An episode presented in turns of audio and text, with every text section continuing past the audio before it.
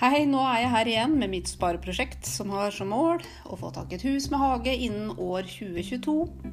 Jeg sparer 8000 kroner i måneden for tida. Ettersom det er smertegrensa, men jeg er veldig takknemlig for at det går så fint. For 8000 det har blitt en normal som jeg ikke legger merke til så veldig. Jeg ljuger bare litt nå. Jeg lever med trekket som piper og går i kulissene, og egentlig fått en litt mer fornuftig livsstil. Pengene de står på bok, de er ikke på børs, dessverre, som eh, kanskje min finansrådgiver ville sagt.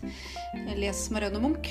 Børsen den gikk nemlig litt som bananas i høst, og det kunne vært gode penger å tjene hvis jeg hadde kommet meg inn. Jeg er fortsatt utafor, for utfordringen min, sånn jeg ser det sjøl, er at jeg er ikke særlig aktiv på børs. Jeg følger ikke så veldig godt med på risikofullt eh, eller risikofylt fondssparing. Eh, så jeg har tenkt at nei, jeg får heller bare være litt treig med å snu meg der. Jeg har som sagt da valgt å vente. Jeg tenker eh, stadig på leiligheten min og spareprosjektet. Kanskje jeg faktisk lander på å beholde leiligheten, leie den ut og selv leie et hus med samme månedlige utgift. Altså fortsette å spare derfra og kanskje ha råd til drømmehuset mens jeg bor i et hus med hage. Det er en besnærende tanke. Det har gått flere måneder siden sist jeg lagde en episode, og jeg har jo tenkt ganske mye. Årsaken til denne kunstpausen den er egentlig litt enkel og litt sånn sår. For jeg fikk noen følelser av å være litt kjip mot folk rundt meg som knapt hadde råd til julegaver.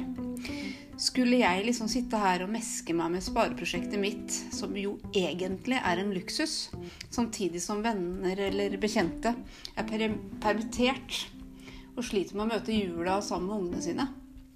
Jeg fikk rett og slett noen sånne moralske sperrer, eh, og jeg føler jo med dem rundt meg. For det har skjedd så utrolig mye i verden, og koronahverdagen er vanskelig for de aller, aller fleste av oss. Vi voksne vi isoleres, og vi frykter både sykdom og død. Jeg gjør det selv. Eh, jeg har foreldre som er gamle og sånt. Eh, men tenk på ungene som er rundt oss. Det er ikke noe enkel normal for dem.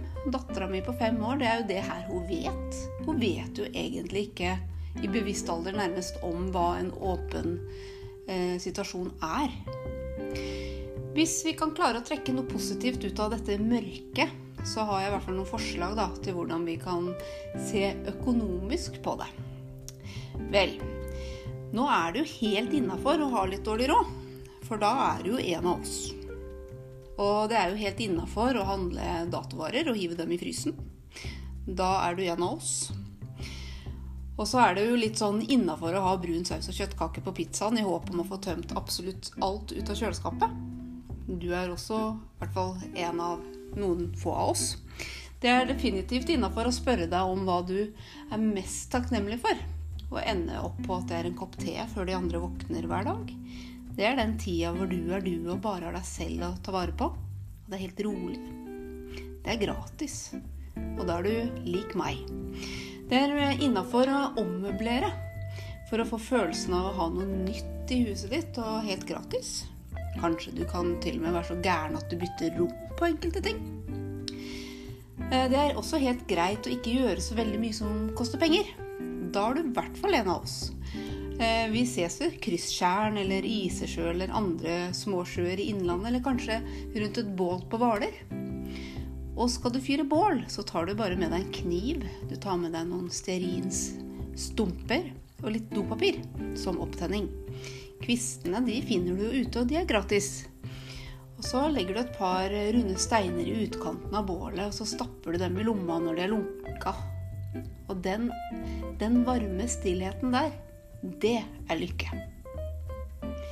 Det er innafor å handle på Finn de saker du er pokka nødt til å ha. Da er du en av oss. Jeg fant nylig tidenes mest behagelige gratis lenestol. Med saueskinn på den så har jeg duppa rimelig godt av.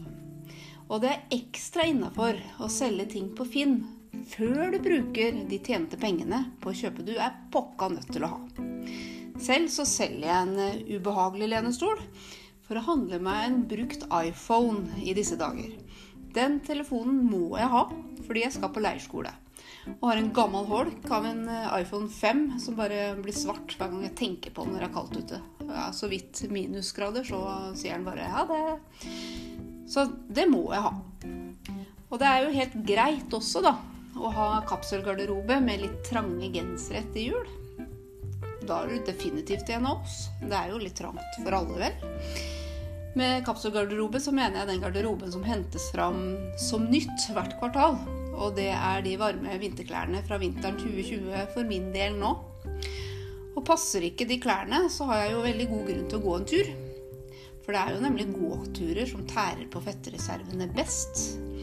Du skal bare gå deg litt varm en time eller noe sånt. Tre ganger i uka. Og jeg tipper at den kapselen den vil passe før dette vinterkvartalet er omme.